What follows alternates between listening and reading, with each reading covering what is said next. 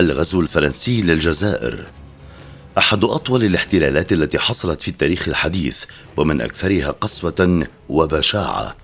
احتلال امتد لمدة 132 سنة. عانت فيه الجزائر ما عانته وقدم فيه أبناؤها الغالي والنفيس في سبيل التحرير. حتى باتت تلقب ببلد المليون شهيد. البداية كانت من معركة نافارين التي دارت رحاها بين العثمانيين بالإضافة لمصر والجزائر وبين البريطانيين والفرنسيين والروسيين. في هذا الوقت بالتحديد كانت الدولة العثمانية تعاني ضعفا كبيرا على كافة الصعد خاصة العسكري منها. الأمر الذي أدى إلى خسارتها للمعركة. بالتالي سقطت الجزائر تحت الاحتلال الفرنسي. عام 1827 كان داي حسين حاكم الجزائر قد ضرب القنصل الفرنسي بمروحة في يده ثلاث مرات على وجهه وهذا بسبب ديون فرنسا للجزائر وعليه اعتبرتها فرنسا إهانة كبيرة وفرضت حصارا على البلاد. في البداية شنت فرنسا هجماتها على ميناء طولون بمشاركة أربعين ألف جندي وفي العام 1830 كانت فرنسا قد أحكمت قبضتها على البلاد. وفي ذات العام استسلم حاكم الجزائر وسلم مدينته للفرنسيين. منذ دخولها أرض الجزائر عملت فرنسا على محو الثقافة المحلية للبلاد بحيث كانت تريد جعلها منطقة تابعة لها ثقافيا. وعليه اتخذت عددا من الخطوات التي كانت في رأيها ستساعد في هذا الأمر. فبدأت بحرب الإبادة الجماعية وارتكبت الكثير من المجازر بحق الشعب الجزائري. وحاولت تغيير ديموغرافية البلاد التاريخية. وبالطبع كانت عملية محو اللغة العربية بكليتها في البلاد على قائمة أولويات فرنسا فبدأت بفرنسة التعليم وفي سبيل تحقيق هذا كله قامت فرنسا بتفقير الشعب الجزائري واغتصاب أراضيه فسلبت الأراضي وجردت الشعب الجزائري من ممتلكاته فأصبح الجزائريون في فقر وقهر كبيرين.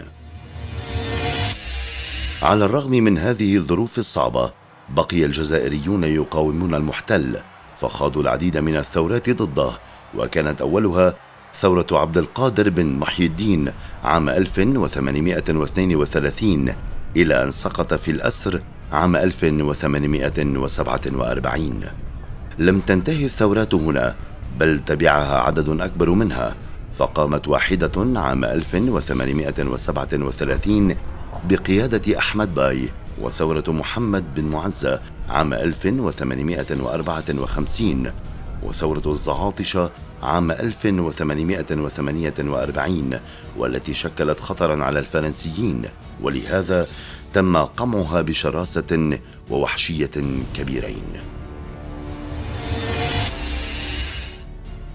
فمثلا وكرد على حركات المقاومة التي جرت قام الفرنسيون بارتكاب مذبحة بحق قبيلة العوفية حيث دخلها فوج الفرسان عام 1832 مدعوما بسريتين من المشاة. فأخذ سكان القبيلة على غفلة وتم إبادتهم جميعا واعتقل شيخها وأعدم على الملأ في العاصمة الجزائرية. وفي العام 1845 قامت فرنسا بمحرقة ضد قبيلة أولاد رياح حيث تمت محاصرتهم وجمع المحتلون أكواما من الحطب والكبريت والقش وأشعلوا المكان بأكمله وبقيت النار تأكل المكان لأكثر من عشرين ساعة. وفي الصباح وجد أكثر من 1800 جثة. ولم تتوقف المجازر هنا بل تبعها أخرى أي محرقة كانت أشد فتكا من سابقتها فقد استعمل فيها مواد كيميائية محرمة دوليا.